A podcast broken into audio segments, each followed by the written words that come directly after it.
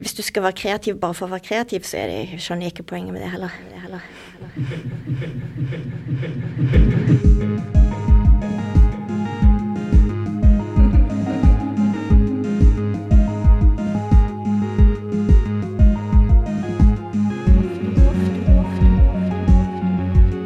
Dette er Skapelsesberetninger, en podkast for Bergen offentlige bibliotek.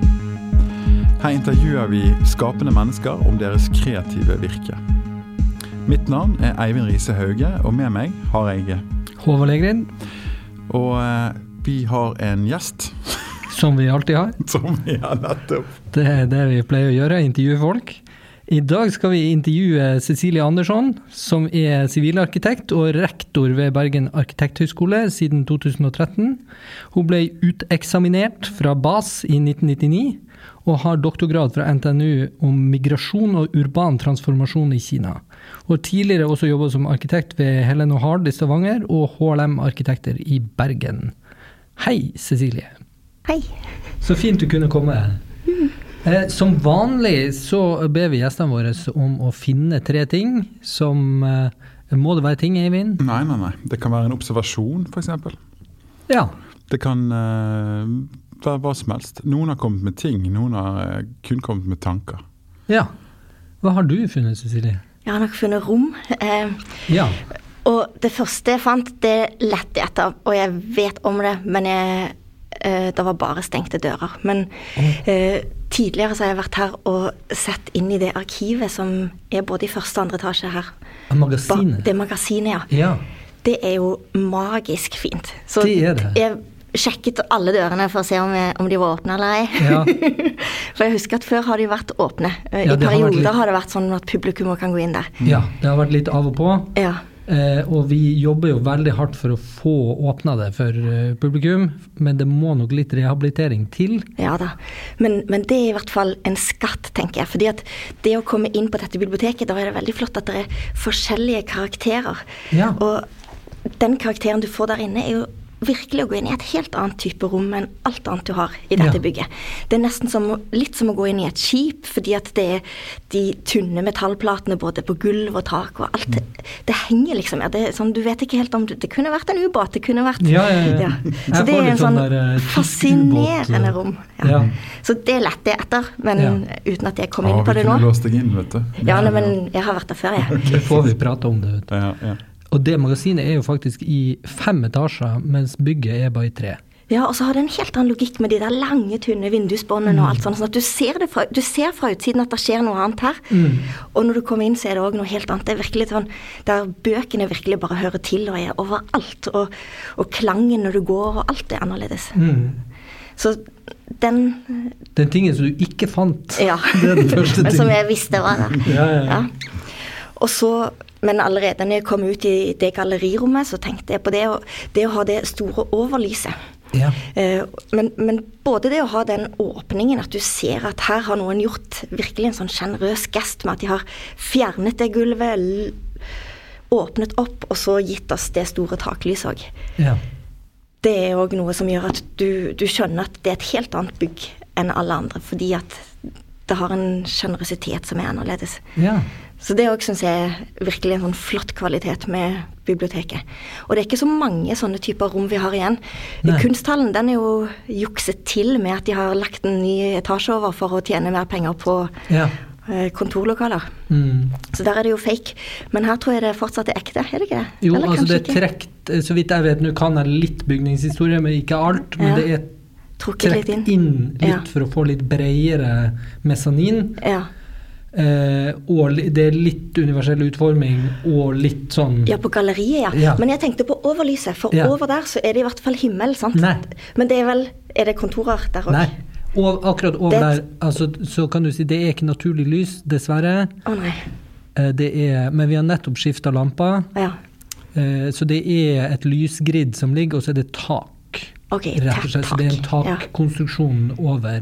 Og den, jeg tror nok at den takkonstruksjonen var der i stor grad når det var nytt.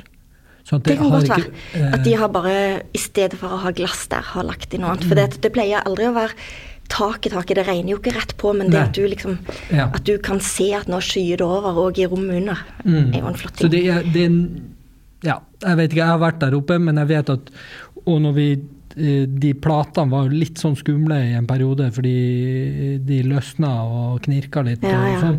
Så det er jo en spesiell øvelse å rengjøre eh, takplatene. Men eh, nå har vi gjort vårt for å prøve å få lyset til å eh, føles eh, som Mm, utelys naturlig med temperaturen. temperatur. Mm. Eh, men dessverre så er det, det er litt fake. Litt juks. Uansett så er det et flott rom, Ja. og det er en det, det er virkelig gedigent, når du, og du ser de gamle knirkete vinduene. Ja. Og du, uh, ja. uh, så Det var nummer to. Ja. Og nummer tre, da tenkte jeg på uh, ungdomsbiblioteket, som jo studentene våre har vært med å lage for flere år siden. ja. Og det, det vindusbåndet der du har de setene bortover hele veien, at du kan sitte én og én eller to og to, og, og at du har den, den situasjonen at du kan velge å forholde deg både til det som er utenfor, og det som er inne i rommet. Og det syns jeg òg er en veldig sånn et flott sted på biblioteket. Ja, det er jo noe av det vi får mest eh, skryt for Mm. fra publikum og besø ah, altså andre besøkende.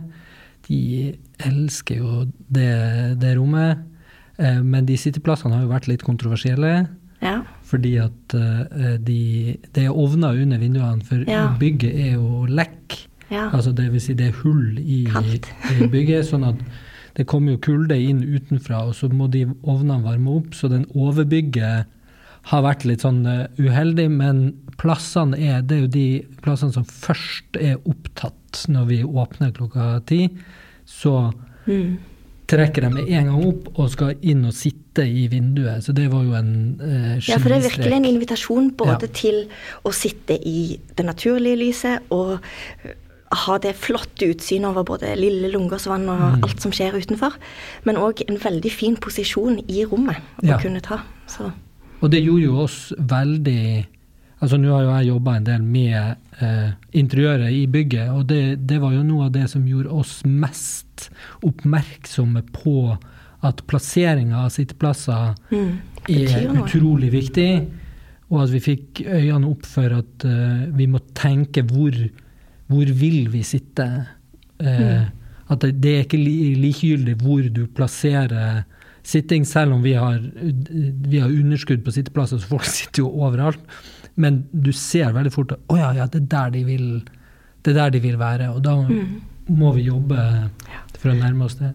Ja, og det er jo òg helt sikkert universell, på en ut, universell utforming på en helt annen måte enn bare det med å eh, helt rigid lage passe brede korridorer for, eh, Ja. for rullestolbrukere. Det at du passer på at folk med veldig mange forskjellige diagnoser kan ha ryggen bar, på en måte slippe å Mm.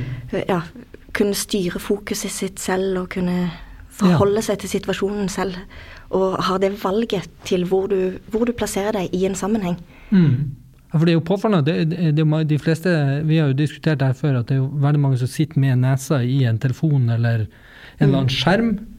Men likevel så foretrekker de fleste å ha et slag, en slags horisont Mm. utfor der de sitter. Altså at de vil se på noen andre folk, eller se ut av vinduet, eller Ja, det er jo sjelden så spennende å se inn i veggen. Nei. Men, så det er jo litt rart at du ser samtidig så ser du ned i den her lysende skjermen, men så vil du ha noe annet. Ja. Trenger både blikket. utsikt og innsikt. Ja. det var godt sagt.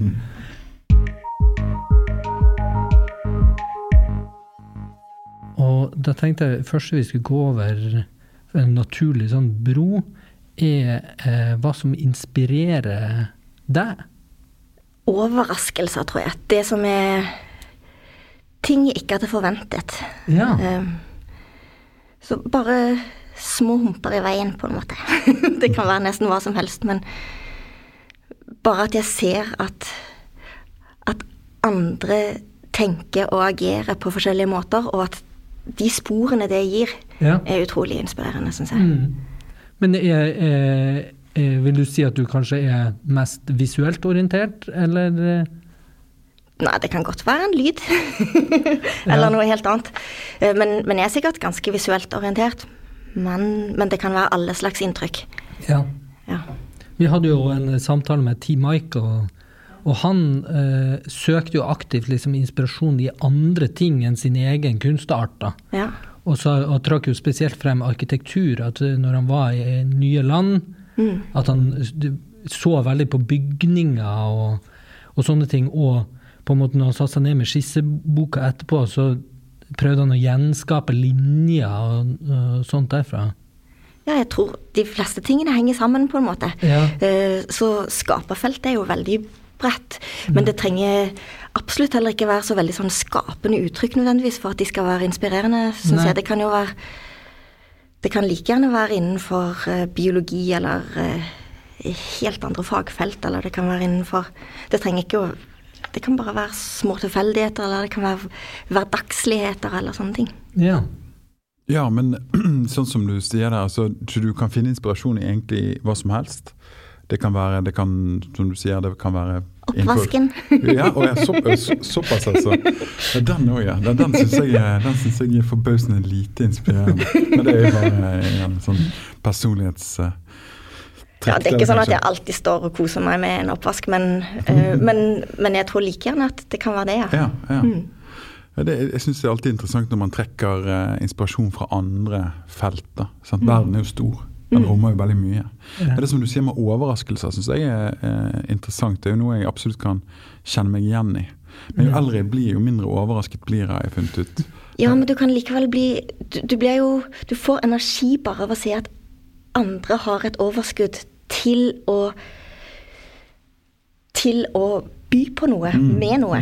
Eh, og det kan være hva som helst. Men jeg blir kjempeglad når noen bare har skrevet eh, skrevet over de, eh, de fine Eller de veldig kjedelige beskjedene vi hele tiden henger opp i heisen, f.eks. om at eh, de skal holde to meter avstand eller sånne ting.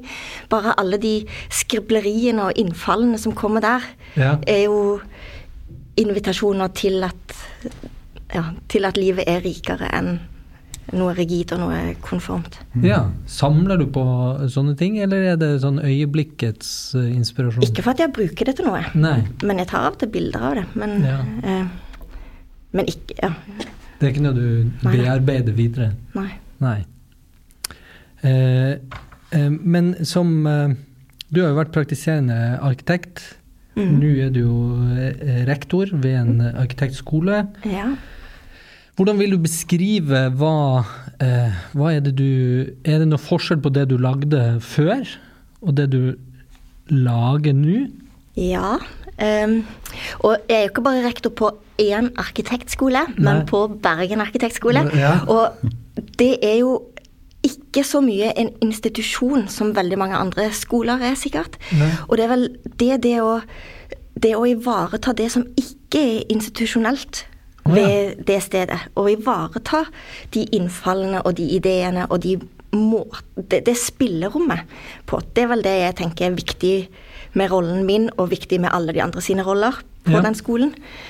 Uh, og det var jo kanskje ikke akkurat det jeg alltid jobbet med som arkitekt, men likevel så handler det jo om å, å skape det spillerom som gjør at at òg brukerne ser det som en fortsettelse og ser det som en invitasjon til til å ta ting i bruk på sin måte. Ja. Eh, Men vil du, vil du si at uh, BAS er en mer eh, kreativ eh, skole enn AHO og NTNU? eh, vi bruker kanskje ikke akkurat kreativitet som et sånn mål og som en sånn skala på det. Så det kan godt være at vi er det på mange måter. Men eh, vi, vi er nok nødt, både nødt til å fange de initiativene og de, de mulighetene som kommer eh, på en helt annen måte enn de andre skolene. Fordi at vi ikke har det samme institusjonelle rammeverket eller den samme økonomiske ryggraden som de andre. Sånn at vi, vi er på en måte nødt til å jobbe både med begrensningene og en annen type nøysomhet og sånne ting, som gjør at vi kanskje derfor ser helt andre muligheter. Eh, Ja. det gjør du jo òg noen ganger som arkitekt, fordi at det er jo aldri uendelig budsjett, sånn at du må jo alltid Nei. jobbe med disse her begrensningene. Og det er òg utrolig berikende og utrolig eh, kreativitet skapende på et eller annet nivå. Ja, så det er en slags sånn mulighetens kunst, da. Ja. Ja. Eh, jeg har lest litt om eh, BAS som forberedelse, Ja. og der kom jeg over et sånn eh, begrep om åpen form. Ja. Kan du forklare litt eh, hva det går ut på? ja det er jo Det handler kanskje òg litt om det jeg allerede har snakket om, Ja. med det å finne et mulighetsrom og ivareta et mulighetsrom, og ikke bare ivareta det som som noe endelig, men som en, noe som kan fortsette, og noe som kan utvikle seg. Sånn at eh, grunnleggeren av skolen vår, han Svein Hatløy, han fikk en gang en sånn utfordring med å prøve å si det bare med én setning, og så brukte han to. Eh, men da var det Og det var på engelsk, men uansett I will not stop you. What will you do then?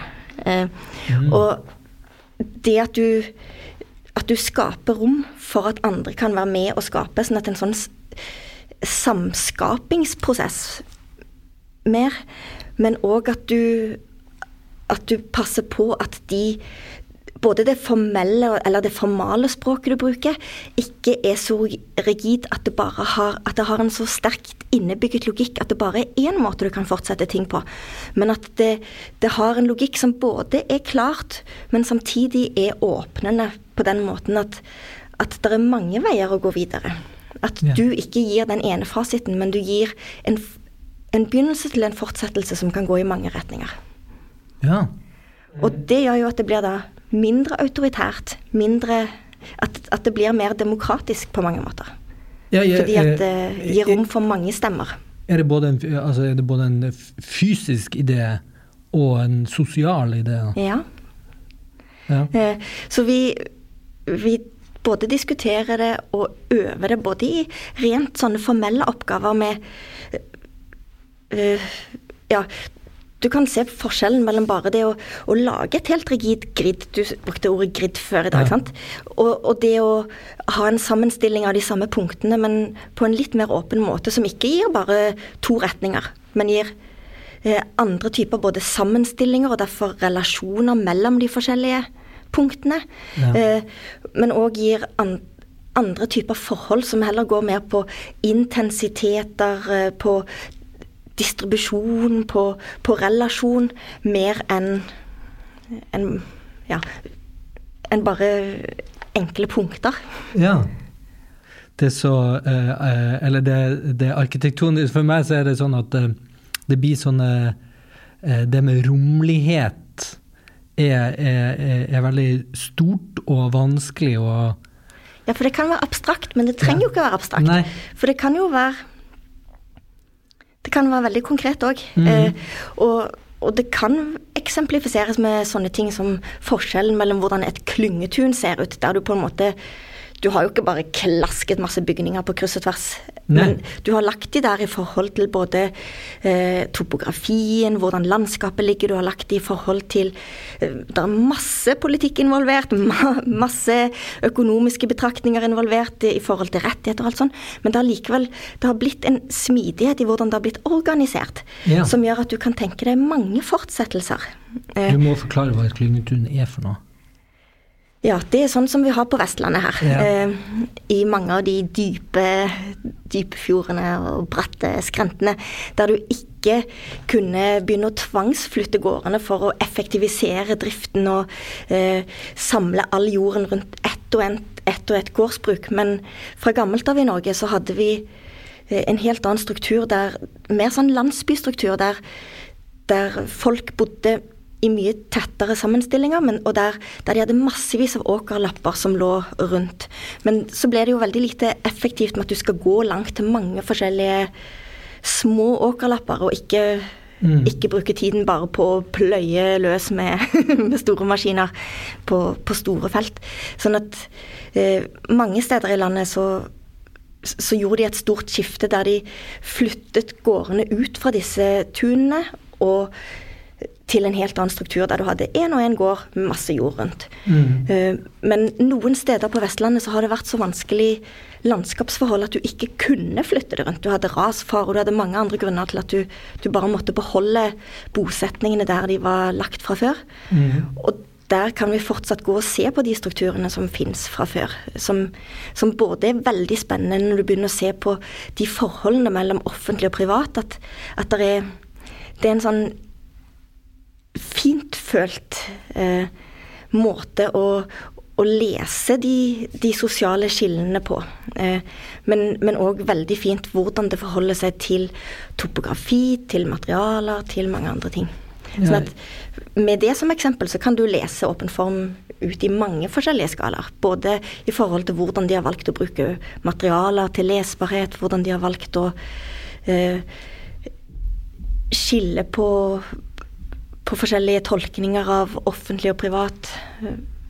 Og, og hvordan bare bygningsstrukturen ikke er en veldig rigid form, men er en, en, form som inviterer til en fortsettelse. Ja.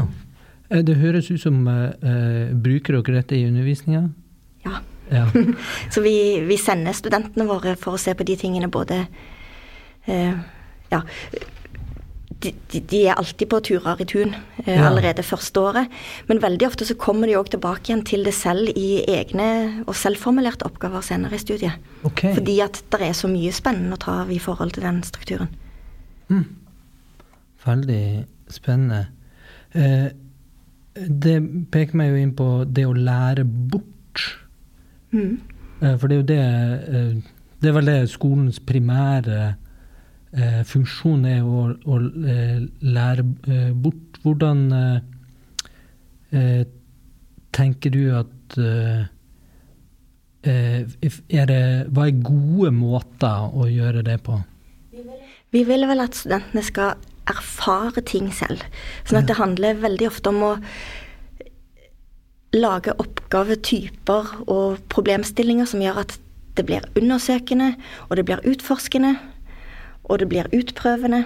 Eh, og at det, ved, å, ved, å, gjøre seg erfaringer og ved å teste ut ting og ved å ikke vite hva svaret nødvendigvis eh, skal lede deg til, så lærer du mest. Eller så, så får du noe du kan, kan, bruke til mer enn det vi, vi kunne ha sett for oss. Det er jo nesten en form for antiundervisning. da. Ja, det er det vel ikke. Men, det minner jo om andre former for kunstfaglig ja. på en måte utdanning. da, mm. altså, eh, Jeg har jo selv gått eh, på Skrivekunstakademiet, for ja. eksempel. Sant? Og det er jo, Hvordan var det sitatet til han Hatløy igjen, det du sa i sted, på engelsk? Det var I will not stop you. What will you do then? Ja, ikke sant? Det høres jo ut som et, eh, et, liksom et utgangspunkt for at den enkelte skal få lov til å erfare og, og men også, også oppildne vedkommende til å skape. Mm. Til å bare gå på, på en måte. Mm. Altså det, hører, altså det, minner jo om på en måte en tenkning som er ofte knyttet til kunstfaglige utdanninger. Da, ja. tenker jeg. Mm. Og Vil du si at det er noe som skiller BAS fra andre vi var litt inne på det i sted, fra andre arkitektutdanninger? Ja, hvis du ser stort på det, så gjør det nok det. Men, men det fins eh, helt sikkert både retninger og lærere og kurs og formuleringer på de andre skolene i Norge, f.eks., som, ja. som rommer de samme tingene. Mm. Men, men arkitektutdanningen, når den begynte Vi heter jo sivilarkitekter, og det mm. heter vi eh, fordi at vi ikke er militærarkitekter. Mm. sånn at når arkitektutdanningen begynte, så var det en militærutdanning. Mm, som nok var veldig mye mer opptatt av at det fins to streker under et svar, og at det er rigide løsninger og helt andre tankeprosesser som skal til for å komme til et formsvar. Jeg har lurt på det der sivile ja. ordet. Siviløkonomer. Ja, men det var det samme valgt for salmen. Ja, ikke sant. Mm. Akkurat. Dette, men dette må jo være eh, en stund tilbake i tid? Ja, det er det nok. Ja. Jeg vet ikke engang uh, NTNU. De har, de har, vel de har feirt 120-årsjubileum eller 125-årsjubileum mm. med arkitektutdanningen sin. Og jeg tror vel den var sivil fra starten av, sånn at det var da Klart. endringen kom i Norge. Mm. Så det er lenge siden. Eh, og det har alltid vært mange kunstnere som har vært undervisere både på AHO og NTNU mm. og BAS. Sånn at vi har nok hatt den vinklingen av Og, og kanskje mer òg den akademivinklingen som, som mange arkitektskoler òg har spunnet ut fra. At det enten har vært naturvitenskapelige skoler mm. og mer teknisk rekke vitenskapelige skoler som har hørt til sammen med ingeniørutdanningen, men så har du hatt akademiundervisning òg. Og selv om NTNU heter naturvitenskapelig, så tror jeg vel egentlig at det, alle skolene i Norge mer er akademiaktige i måten de tenker. Det med akademi og sivilarkitekter, dette har jeg aldri tenkt på at For mitt utgangspunkt var jo på en måte at eh, En bedriftsøkonom er jo hakket mer militær. Vet du. ja, ja.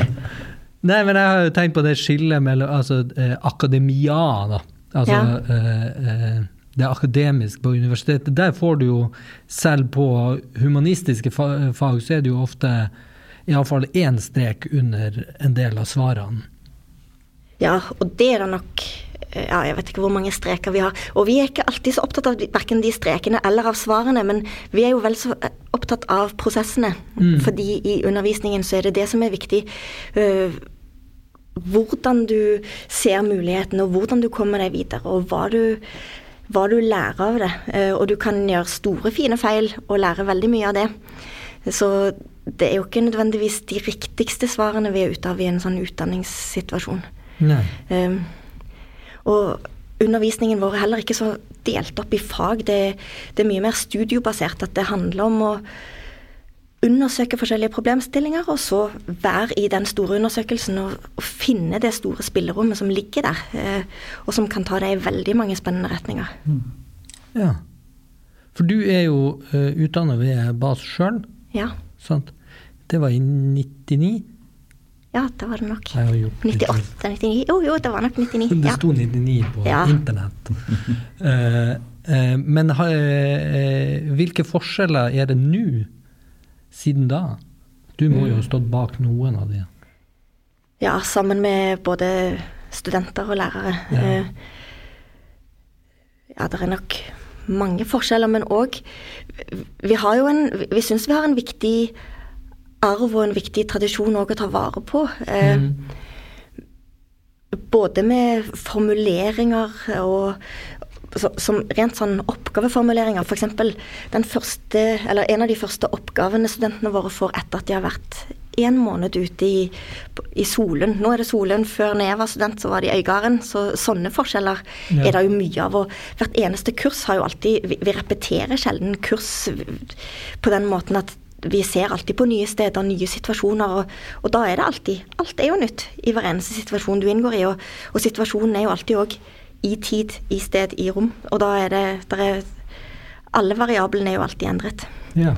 Eh, Men den første oppgaven vi gir dem, er å lage et hus som ikke er et hus, et telt som ikke er et telt.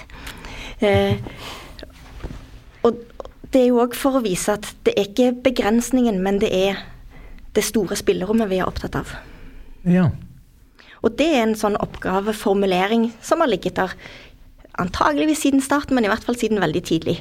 Eh, og sånn er det mange ting som kanskje Noen av tingene har nok kommet inn som bare heldige formuleringer en gang, som har blitt med videre. Og andre ting har virkelig blitt tenkt i forhold til at de ikke skal være for begrensende nødvendigvis, eller at de skal være åpne nok til å gi det spillerommet som studentene trenger. Men er det da slik at det første dere gjør, er å sende studentene av gårde? Er det omtrent det, det sånn eh, Ja, dag to. Så, Å, ja. de, eh, ja. så dag én får de noen servietter og noen kullstifter, og så Akkurat. eh, får de en tilsvarende oppgave som jeg fikk i dag, med å Ja, ja, ja. finne tre ting. Som ikke nødvendigvis var ting. Et Ja. telt som ikke er et telt. Ja. Det var, dette var jo på hjemmebane, rett og slett. Eh, men hva er eh, Vi har snakket om det klyngetunet som et eh, det er et eh, kreativt rom som ikke er et rom. Det er det er et, Mm. et sted eller en tilstand eller eh, Mm. eh, Og som òg er et rom. Ja, Ja. Et stort landskapsrom, men òg med mange små rom innimellom. sant? Ja. Eh, jeg tenkte jo jeg skulle plukke hjernen din litt eh, når vi likevel har tilgang på det sånn rent profesjonelt. eh, eh, for vi prøver jo, biblioteket vi prøver jo å lage kreative rom. Mm. Eller rom for opplevelser. Så hvis du hadde, hadde en tryllestav, og så kunne du si Nå blir det sånn. Eh, et eller annet sted i dette bygget, hva ville du eh, ha trylla? Jeg tror bare jeg ville ha låst opp døren til det magasinet. Oh, ja. Såpass enkelt. Men er det noe som, er det noe som vi eh, har planer om å gjøre? Ja, vi ønsker jo å tilrettelegge bl.a. i underetasjen for eh, mer kreativt eh, utforskende sted, men selvsagt i kombinasjon. Vi har jo altfor få kvadratmeter i forhold til samfunnsoppdraget. Mm. Men eh, eh, der er det jo mange ulike altså Det er jo makerspacer, det er jo eh, opplevelsesområder. Men det kan jo òg være helt åpent møblerte områder som man ser på. Ja, og så er det jo For vi ser i hvert fall når vi holder på å utvikle vår skole, at det er jo et Det er både behov for veldig spesifikke fasiliteter, og så er det behov for veldig åpne fasiliteter. Sant? Det, er, det er behov for mange små rom med eh, ja, Dere har sikkert både en imponerende maskinpark og imponerende digitalt utstyr som, som virkelig kan åpne mange mange måter å jobbe på, Ja. og som er veldig vanskelig tilgjengelig hvis du ikke har den type fasiliteter. sånn at det å være en fasilitator på den måten er jo en, en viktig rolle. Men òg det å bare ha tilgang til et rom der du kan gjøre hva som helst, og der Ja. det ikke gjør noe om du skitner til eh, et sånn free space mer enn makerspace, kanskje. Som, Ja. eh, Jeg har jo av og til tenkt at eh, eh, sånne offentlige steder som er, er tenkt en spesifikk bruk til, de, de kan bli overstrukturerte, Mm. da, eller det blir for tydelig hva, eh, hva du skal gjøre, og så blir de for kan de stå i fare for å bli for fine. mm. Sånn at man blir Ja. litt redd for å, å være der. Men samtidig så vil du at det skal være fint, for at det skal være innbydende. Mm. Så det er en litt sånn vanskelig Ja, det er en balansegang. Ja. ja, og det skal jo ikke være så herpet at det på en måte inviterer til herp. Hvis Nei. ikke det er Men det kan jo òg være kreativt, og det kan jo òg være utfoldende, Ja. og det kan jo òg være veldig kvalitativt på veldig mange måter. Og det kan jo virkelig være noen uttrykk som trenger å komme frem noen ganger, det òg. Um, men det er jo det med fordi at Òg når vi snakket om åpen form og om og den fortsettelsen, så, så gir jo den òg Den gir et ansvar òg til den neste, den som får den invitasjonen om at vi gir deg det rommet, og fortsetter. Da gir Ja. du dem òg det ansvaret at det er jo ikke bare du som får den fortsettelsen. Den er jo òg gitt til alle andre. Og derfor kan du ikke Du kan ikke bare herpe det til sånn at det ikke lenger er en invitasjon til nestemann som, som vil ønske å bruke det på en helt annen måte igjen. Ja.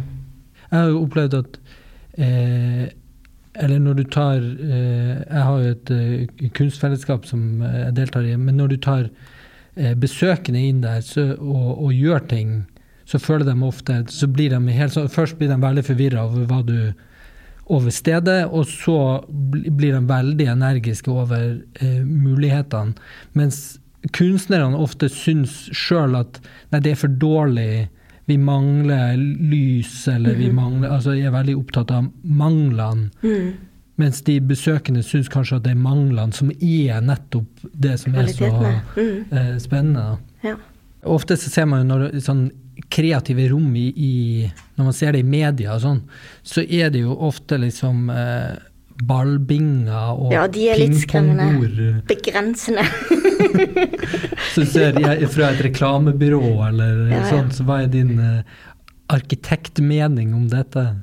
Nei, at, at det er veldig begrensende. Og det er jo, det er jo, det er jo nokså likt som når, eh, når McDonald's tenker at eh, de fargene de velger å bruke, skal handle om hvilke, hvilke assosiasjoner eh, foreldrene får til hva det betydde å, å ha et lekested når du var barn, og derfor er det de fargekodene som går igjen i, i det du inviterer til nå. Eller det, det, det ligger jo mange lag der i, i hva de prøver å kommunisere. Mm. Men jeg tror ikke det en reell invitasjon til virkelig å utforske noe eller å eh, utfordre noe. Og det er vel Ja. Hvis du skal være kreativ bare for å være kreativ, så er det, skjønner jeg ikke poenget med det heller. Oi. tror jeg. Jeg har jo vært på besøk hos en del sånne arkitektkontorer, og de er jo Ja. ikke så veldig altså De er jo eh, tilforlatelig lik et konsulentbyrå, ofte. Ja. Eh, Syns jeg jo De blir kanskje litt trøtte og leie etter fem år på en sånn arkitektskole der du hele tiden går i kjeledress og Ja, det er kanskje sant. Eller så er det kanskje for å For å tro at du For å vise en seriøsitet i forhold til klienter eller andre ting. Men, men det kan du òg gjøre på mange måter. Ja. Og de gamle Sandviksbodene, f.eks. ja. Der sier de jo at en av teoriene til hvorfor de, de malte de så fint, er at de kundene som skulle komme og kjøpe tørrfisk og, og få en forståelse av at dette her var et firma med, eh, med aner og med soliditet, de skulle se at der var det ikke bare Det var ikke bare lager og det var ikke bare fisk, men det var òg kultur og høykultur, og, og derfor var det malt på veggene. ja. Så det, fasaden må være flott for å gi troverdighet. Ja, men det er vel ikke det jeg streber etter, eller studentene våre streber etter, Nei. eller skolen vår streber etter. Nei. Eh, jeg, leste eh, i et intervju med deg at eh, angående studentopptaket, da. Eh, for dere kan jo ta opp de dere vil. Det er jo søken... Ja. ja. Er det, er det ikke noe krav til karakterer i ulike Nei, vi vil bare at de skal ha eh, sånn Hva heter nå det? studiekompetanse? Studiekompetanse, ja. ja. Og så bruker vi oss om det. Vi, vi ser ikke på karakterene eller noe sånt. Mm. For der sto det at eh, Det er jo litt ny, nytenkende. Ja, men vi har nok holdt på med det siden dag én likevel, så i Mm. 30 år eller noe Ja, ja, ja, men likevel. Det skiller seg jo ut, da. Ja, vi, vi vet vel at det er så mye viktigere med den motivasjonen de har, og de erfaringene de tar med seg inn i studiet. Mm. Eh, og det er jo bare en enorm berikelse at de kommer med veldig forskjellige bakgrunner, og at ja, de har vært andre ting enn bare de flinkeste jentene på videregående. Ja. Men studiekompetansen er viktig for de vil vite at de, man har det som basic Ja, eh, og fordi at vi helt fra starten av har hatt en type relasjon til universitetet, og du skal kunne ta Ja, fag. ikke sant. sånn at du skal være i stand til å kunne ta forberedende og til å ja. mm, mm. Ja, det jeg skulle spørre om, det var For der sto det i det intervjuet Ja. at uh, dere Unnskyld, ku, kunne synes det var like viktig å kunne spille trompet som Ja. eh, å være god på skolen. Ja, ja og, og nesten uansett hva du har gjort, hvis du bare har gjort det ikke bare med en overfladisk interesse, men virkelig gått inn i noe, så har du jo forstått noe om eh, som gir deg en type kompetanse i forhold til presisjon. Eh, og, Ja. i og, og da kan det være det kan like gjerne være eh, kulestøt som det kan være trompetspill, som det kan være noe helt annet. Ja. Så, så vi er Når vi ser etter studenter, så ser vi etter folk som har hatt noen interesser og tatt de litt langt. Mm. Uh, og det kan være hva som helst. Det kan være at de bare liker å gå, eller liker å reise, eller liker å Men, men de skal ikke bare De skal ikke bare ha vært en likegyldig turist, men du, de skal ha gått inn med et engasjement, og de skal ha fått noe ut av det. Og så er vi opptatt av at de fått, klarer å fortelle oss at de har fått noe ut av det. Og da er det hva som helst. Så de formulerer en søknad, ikke sant? Mm. der de rett og slett presenterer seg. da. Ja. Mm. Ligner dette på Skrivekunstakademiet? Um, altså, det som er, Nå er det jo mange mange år siden eh, jeg eh, søkte meg inn der, men det som var, var Opptaket der skjer jo på bakgrunn av de skjønnlitterære tekstene du eh, leverer. da. Eh, og Du skriver vel også litt om motivasjonen din for å gå der, og det, er- det er nok eh, også viktig. Men det var en, en diskusjon om de tingene der eh, i forhold til opptaket, husker jeg, i forhold til du må ta studiekompetanse og sånn. og det, det nærliggende spørsmål hva med den neste store arbeiderdikteren som Ja, ja. ikke har Han skal ikke få komme inn på tross av at tekstene hans er gode. Og det er jo, det er jo problematisk, sant. Men jeg, må ellers si at jeg synes deres utgangspunkt for å ta opp studenter på den måten er veldig sympatisk. Og, og eh, man, man sørger også for at man ikke får dette helt sånn strømlinjeformede studentkullet. sant? Mm. For masse forskjellige mennesker med ulike erfaringer og, og sikkert helt ulike observasjonsevne. Mm. Og det, det tror jeg eh, det det, det, det høres litt ut som fremtiden. Fordi at uh, ta, en, ta en skole som, som Steinerskolen f.eks., der det ikke er karakterer. Det fins vel en eller annen form for avsluttende eksamen, kanskje. Men uh, det kommer jo ofte folk med en, uh, et, en, en, helt annen kreativ berikelse ut av sånne skoler enn de som bare har gjort sånn som alle andre. Mm. Ikke sant? Ja, og nå er det nok sånn at både på grunnskole og videregående og overalt så er det, er det et en større bevissthet om at det er flere måter å lære på, mm. at det er flere måter å vise både modenhet og kunnskap Absolutt. og læringsevne på enn bare å pugge eller ja, sånne ting. Men, ja. men, likevel, så Hvis du fokuserer for mye på bare å få de, de flink, skoleflinkeste folkene mm. fordi at vi har jo ti søkere per plass. Mm. Da, da, ville vi fått noen som var Ja, det er såpass, ja. Ti søkere per plass. Mm. Som var veldig flinke til noe, men som, som, kanskje måtte bruke veldig mye energi på å avlære noen av de teknikkene. fordi ja, det er ikke så enkelt at du bare eh, allerede har funnet måten å studere på. Mm. For du, du, skal utfordre deg selv med å gå på, ut på dypt vann på forskjellige måter. og det er det du virkelig lærer av. Eh. Riktig, riktig. Bare ta, tenk på psykologistudiet, f.eks. Altså det snittet man må ha for å komme inn der i dag. Det er jo mm. de som De har ikke hatt tid til å sosialisere overhodet, de har kun hatt mm. nesten i boken. Mm. De som, altså det, det, der er jo altså Menneskelig erfaring er jo uhyre viktig sant? Eh, når man vurderer man, eh, folk for den type fag. Mm. Så dette, dette, er en sånn kjepphest for meg. Så dette var, dette var hyggelig å høre. Men setter dere eh, eh, Er det sånn at dere vurderer kandidatene opp eh, for å utgjøre et team? Ja, det òg. Eh, vi har lyst til å sette sammen klasser som, som, kan berike hverandre på mange forskjellige måter. sånn at de Vi syns det er veldig fint at vi at vi har en gruppe der noen har byggeerfaring, noen har uh, universitetserfaring og, og, har litt mer teoretisk erfaring. Noen har mer kunsterfaring, og noen har mer idrettserfaring, og noen har mer reise- eller kulturerfaring. Og, uh, ja. men, men, så blir det jo aldri så svart-hvitt, fordi at så gir jo vi noen studieplass, og så er det noen som velger seg noe annet, og så tar vi fra lenger ned på listen og ja. Så, så det blir ikke alltid sånn? Det er ikke en sånn spesialkomponert klasse likevel. Hvor mange søkere har dere forresten, og hvor mange plasser? Vi har 30 plasser, så har vi I år hadde vi ca. Ja, i fjor hadde ja. vi ca. 300. Ja. Wow. Mm. Har, øh, men har, øh, har, skolen vokst, eller er dere i samme Nei, for vi vil ikke vi vil ikke vokse. Så vi, eh, vi, fra, siden starten har vi nok vokst litt, for da tok vi vel inn 20 studenter, og nå tar vi inn 30. Men vi vil nok ikke vokse utover det. Vi har ingen tanker om det. Fordi at det er begrenset òg hvor, hvor, stor en gruppe kan være og fortsatt fungere som én gruppe. Mm. Og det ville jo vært noe helt annet å dele alt i to og kjøre mm. to kull parallelt opp. Eller da, da, da måtte vi kanskje tenkt helt annerledes i forhold til strukturene. Men alt går jo. Og nå har vi f.eks.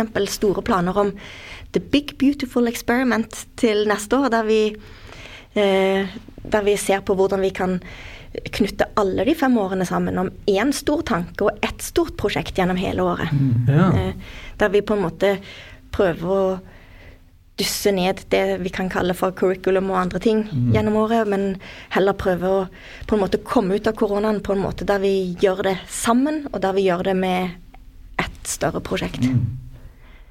Ja, ofte så innenfor sånn kreativitetsforskning så snakker man om tverrfaglige team.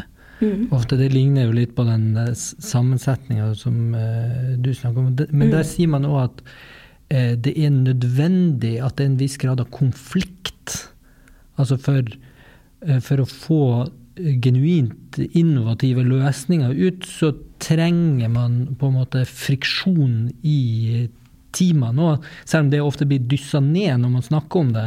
Mm. At man skal ha liksom velfungerende team, og så tror man at det handler om at eh, det skal være smooth. Men forskninga tilsier at eh, nei, det er nettopp når det er kan være til dels ganske harde fronter at du du kommer med nye ting, da.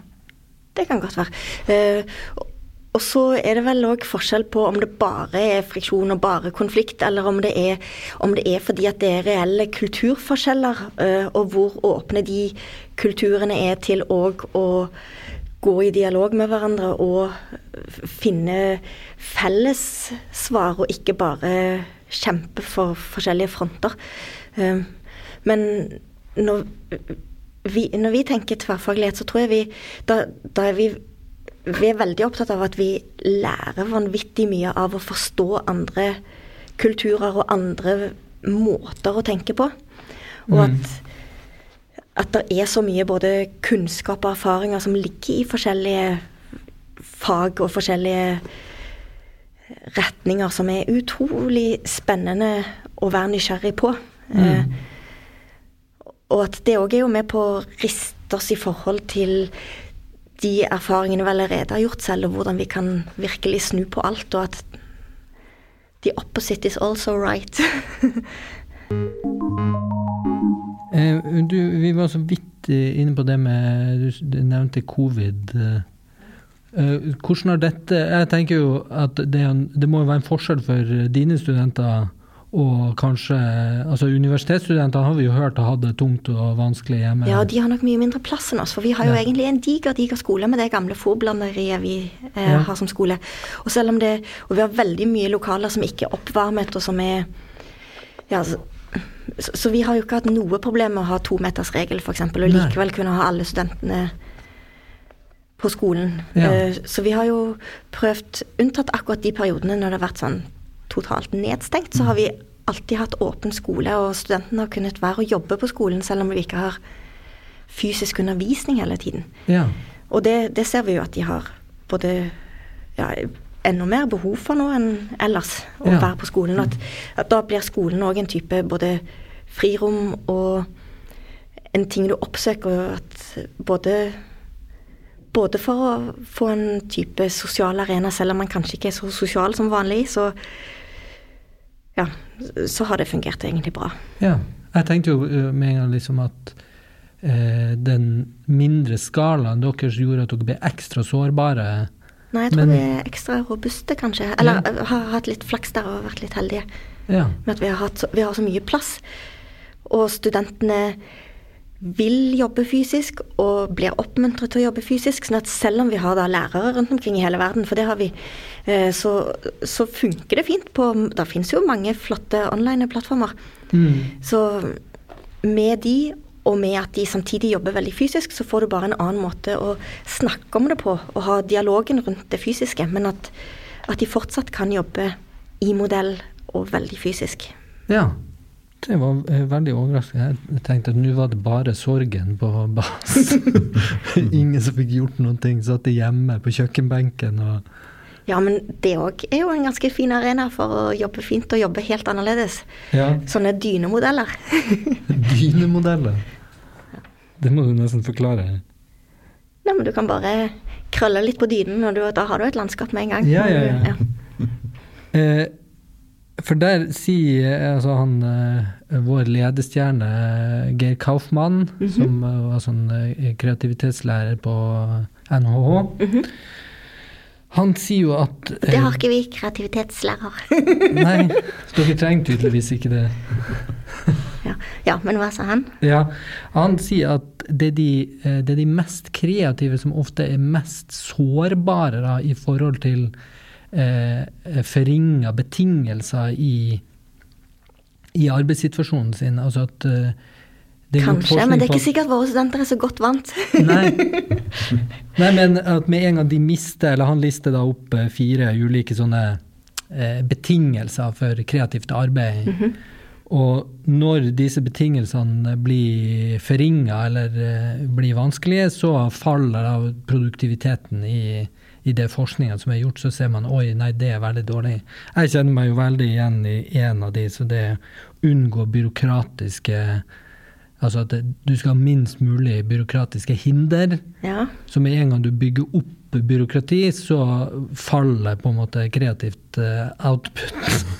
ja, det er nok en av de tingene der det, det er vanskelig å være kreativ, men det er jo spennende å være det òg likevel. Ja. Og det tror jeg vi som skole, og overfor de nasjonale systemene og alle sånne ting, òg er nødt til å være at, at det finnes mange måter å og unngå eller gå forbi mange av de kravene som finnes. Sant? For så har vi fått, er det krav nå om at du skal ha en premieordning for gode lærere. Å. Og det er jo på en måte Ja, det kan jo være mot noen sine prinsipper. Mm. men, men hva skal den premien være da, og hvem er det som skal få den premien? Og du, der er alltid der er alltid rom for å definere noen av spillereglene, og det å bli flink til det gjør vel at det meste kan gå an likevel. Og, så jeg tror at ja, det finnes jo mange land som har verre systemer enn det vi har i Norge, i forhold til å til og med kunne klare å takle å være kreativ innenfor et byråkrati. Ja, det er sant.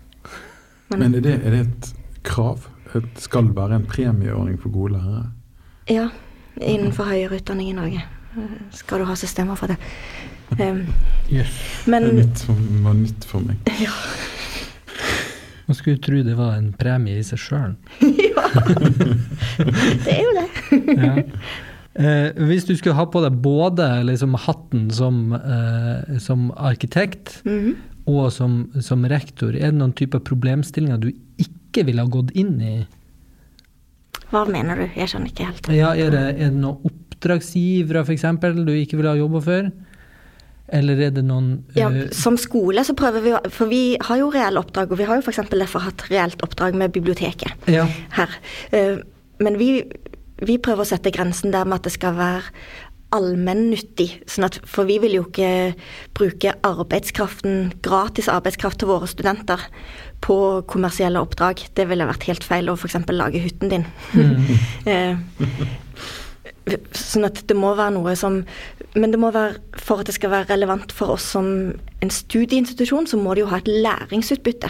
Og derfor må det ha òg oppdragsgivere som forstår at læringsutbyttet vårt er viktig, og at det derfor Men at vi derfor kan kanskje gjøre andre ting enn andre arkitekter kunne gjort. Fordi at for oss er det utrolig viktig å, å bruke mye tid på på å forstå f.eks. For medvirkningsprosesser. Eh, Ja. Mye mer enn det du kan betale deg fra og rettferdiggjøre å betale deg fra. Fordi at det er et læringsutbytte i seg selv. Eh, sånn at det er jo det er to helt forskjellige ting, egentlig, å, å, å finne gode oppdrag, gode reelle oppdrag for en studieinstitusjon og for et arkitektkontor. Men det, det kan, jeg er sikker på at de fleste arkitektkontor ville synes at alle oppgavene vi òg får, ville vært spennende og relevante òg for kontoret å gjøre. Men, men vi, vi prøver òg å ikke være en konkurrent til dem ved å si at, at vi, vi, vi gjør det på helt andre premisser. Mm. Men hva er de Hva vil du da si er de store utfordringene for eh, praktiserende arkitekter i dag? Ja, der kan jo f.eks. byråkratiet og regelverket sikkert være en sånn ting mange føler de kjemper mot, litt som sånne vindmøller. Men, eh, men der òg fins det jo alltid Det fins måter å omgå det på. Og ofte så er jo ikke byråkratiet så byråkratisk som, du, som de kanskje gir uttrykk for, og som du kanskje tolker det til å være. Og at veldig mange, og byråkratiske instanser, egentlig syns det er spennende at arkitekter eller andre utfordrer de på en måte som, som ikke rokker med intensjonene, men rokker med, med rigiditeten i det, f.eks. Mm. Sånn at uh, da, ja, det går an å løse veldig mange ting på veldig mange mer spennende måter enn det det veldig ofte blir gjort. Det er sant. Men eh, eh, tenker du at arkitekter har en rolle i forhold til å eh, være med i Hvis vi løfter blikket enda høyere, altså i, i store utfordringer, klimautfordringer, fattigdom, migrasjon? Ja, helt klart. Uh, og uh, jeg tror både at vi er i stand til det, og at vi har mye, mye fokus på det i utdanningene. Mm. Men, men jeg tror òg at det er det at selv om det kanskje ikke kommer som en bestilling fra en oppdragsgiver, så, så kan det likevel være eh, velkomment. Eh, og vi har jo f.eks. jobbet med, med PST en gang, både PST og Norsk sikkerhetsmyndighet. Eh, og det gjorde vi fordi at Og det var noen studenter som først ved et sånn selvdefinert prosjekt ønsket å jobbe med regjeringskvartalet ganske rett etter bombingen. Sånn at det var før liksom veldig mange hadde turt å ta tak i det.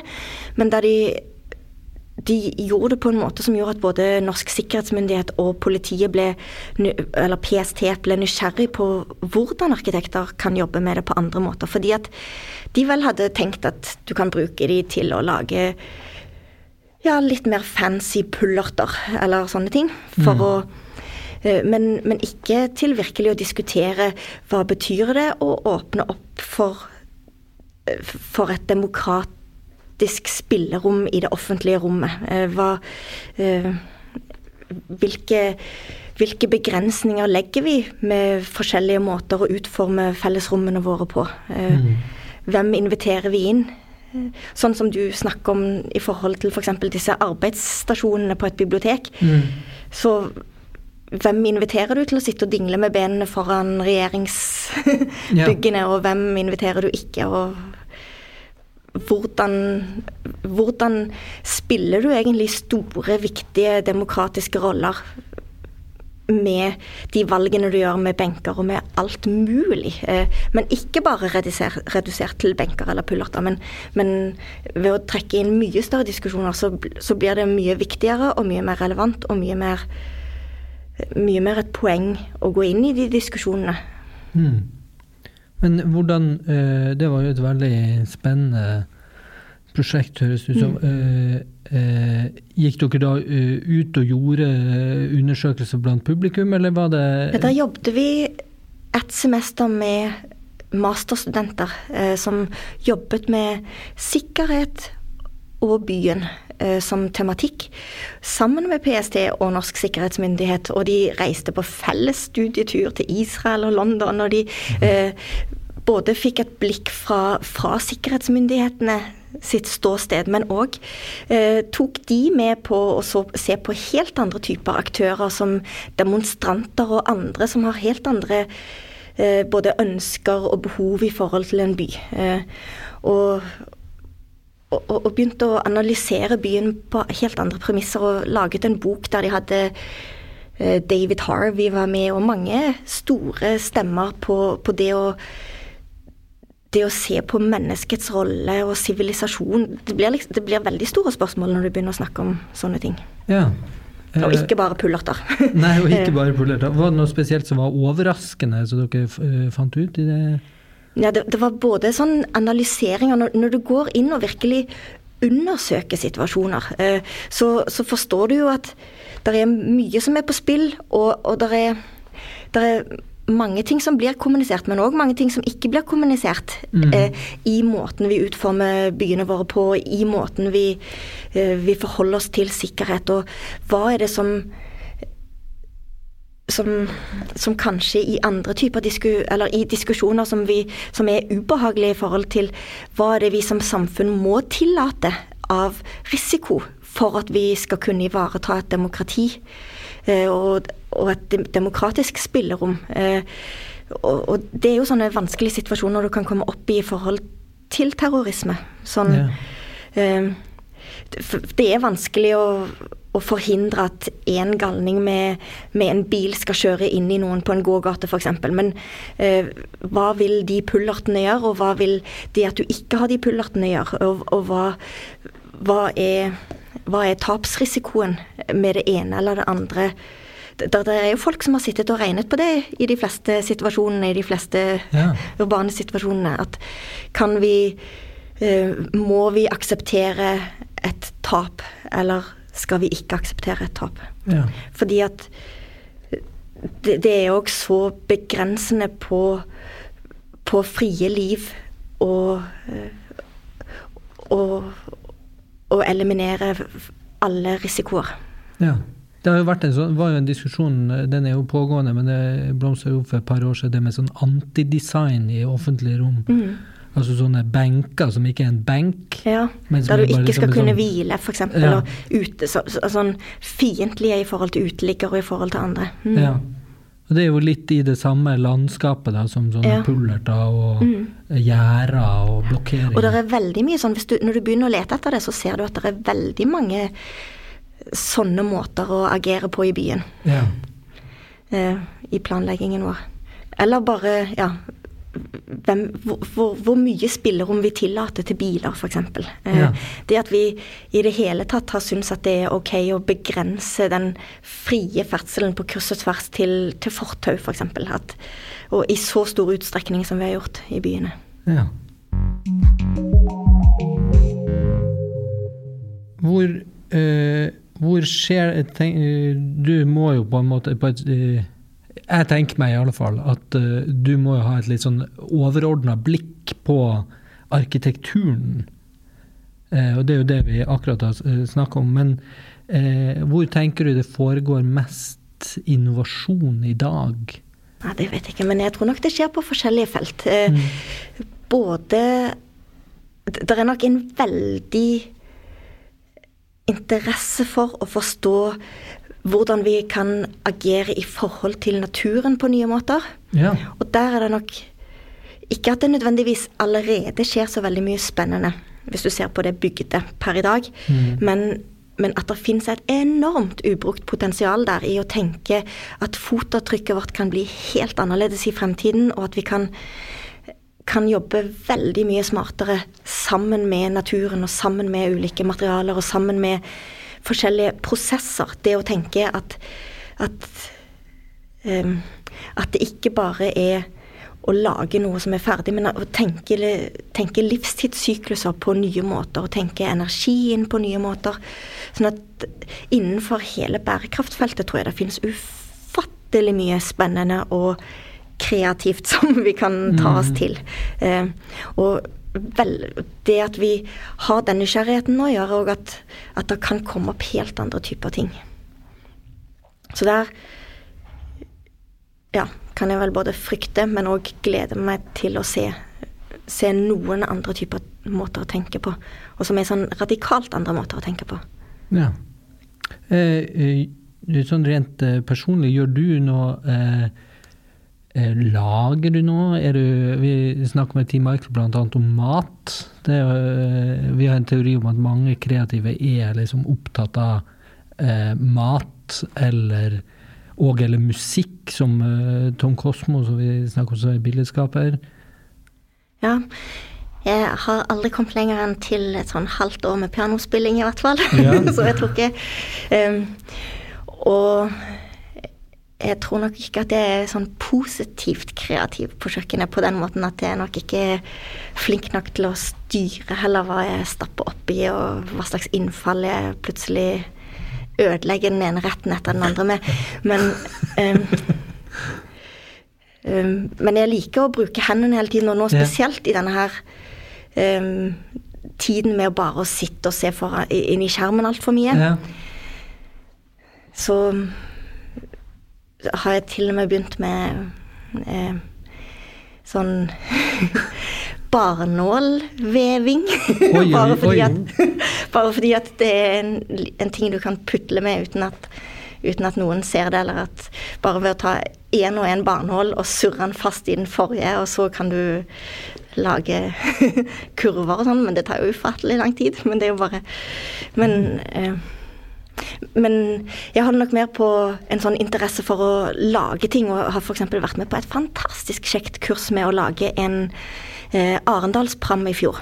Okay. Lage en båt. Ja. Og det å gjøre det når du ikke egentlig er veldig sånn drevent i eh, i verkstedbruk eller sånne ting. Jeg har jo slått i en hammer og sånne ting, men likevel, det å ta skrittet da og lage en båt, ufattelig kjekt. Eh, Det hørtes veldig omfattende ut. Hvordan? ja, det tar jo litt tid, men det Og mye havling. Eh, men veldig, veldig kjekt. båten flyter. Ja. Ja. Da er jobben eh, Så ja, det er virkelig. Det er nok den, den siste tingen som bare har vært en sånn mind-blowing experience i forhold til å, å begynne med noe helt annet og gjøre noe Ja. helt annerledes. Eivind, gjør du noe annet enn å skrive? Mm. Å, gjør jeg det? Eh, Du har ikke altså, band på lur? Nei, eller? men jeg kan jo spille. Jeg kan jo traktere instrumenter. Ja. Ja. Men jeg gjør jo ikke så mye av det lenger. Men det er vel den, eh, den andre tingen eh, Men det er selvfølgelig, du gjør veldig mye oppdrag liksom, i, i forbindelse med, med skriving og andre forfatterskap og samtaler og de tingene der. Men, men det er liksom veldig spisset mot det, da. Livet er jo ikke langt nok, i hvert fall ikke for min del, til å bli så god på så veldig mange forskjellige ting. Beklageligvis. Men eh, det, tar jo, eh, det tar jo veldig mye tid hvis du skal lage noe skikkelig. da. Mm. Ja, men det å lære nye ting Mm. er jo utrolig kjekt. Ja, ja, absolutt. absolutt. Jeg lærte Sist gang jeg lærte noe nytt, det var vel i sløyden. Tekstilformingen, det, var, det gikk ikke så bra. Så barnålsveving, det får bli eh, når jeg gjenfødes. Jeg var med på et spikkekurs i, i Jeg tror det var i fjor. Ja. Før korona. Det tror jeg er veldig kjekt, for jeg har begynt å spikke ganske mye. Ja. Mm. Ja. Barnålsveving hørtes litt uh, interessant ut, faktisk. Hvor lenge overlever en barnålskurv? da? Er Men den det vet jeg ikke. Nei, det vil vise seg. Ja, Er det en spesiell teknikk, eller? Det finnes sikkert mange teknikker. Uh, og uh, ja. Jeg, jeg klarer jeg klarer ikke helt å se for meg det er en liten barn, en sånn ja, jeg har brukt fra furu, så de er oh, ja, jo de- litt lange. Men, Ja. men i andre land er de jo mye lenger, sånn at du kan Ah. da kan du, virke, da kan du gjøre det ganske enkelt og ganske raskt. Og du bruker barnåla selv som eh, Du har ikke en ekstra kvist, eller Nei, Jeg har bare en kvist liggende på bordet, og så har jeg en, eh, en sånn synål eh, og en eh, sytråd. Og så bare surrer jeg. Ah. Så, men, men det er ikke det at jeg trenger å løfte det til en kjempeting. Men, Gjenbruk av juletre, f.eks. Det er jo Ja, ikke men- dumt. ja. Der er det jo ofte litt korte Ja, det er gran, så da må du enda mer eh, arbeid til, kanskje. Mm. Altså Jeg kan forestille meg at mer sånne europeiske nåletrær er mer egna. ja, er- de er mye mer Mm. egnet. Ja. Eh, men du er jo Jeg har lest meg til, du må gjerne korrigere meg, men du begynner å nærme deg slutten av dine åremål. Mm. Eh, for så vidt jeg skjønner, så sitter man i fire pluss fire år, Ja. og du har sittet i sju. Ja, jeg er ferdig nå i Egentlig til sommeren, men Ja. så fortsetter jeg til oktober fordi at vi har funnet en ny rektor som er en kjempekjekk en, som er fra Sverige. Ja. Som må avslutte noe først, og så begynner hun i oktober. ja. Så Da er jo planen Hva nå? ja, jeg kommer til å fortsette på skolen, men som prorektor, så jeg, jeg kommer til å fortsette på skolen. Og så kommer jeg til å ha mye mer tid, og det da har jeg en liten sånn husmannsplass på Askøy, og der har jeg begynt å pode masse epletrær nå. Mm. Det kan være at det var litt for tidlig fordi det ble så mye snø og vinter i påsken. Ja. Um, men Kan du ha båten din der? der har jeg båten, jeg har et naust. Og der kan jeg begynne å reparere en gammel oselver, og det er neste prosjekt, tror jeg. Ja. Så, du, Så jeg har lært meg å den, lage en båt nå for å kunne reparere den gamle båten. Mm. Nå er nesten ringen slutta, på en måte. Du, når du begynte på bas, så ble du vel kasta ut på en sånn her eh, klyngetun, Ja. og nå må du lage ditt eget uh, tun.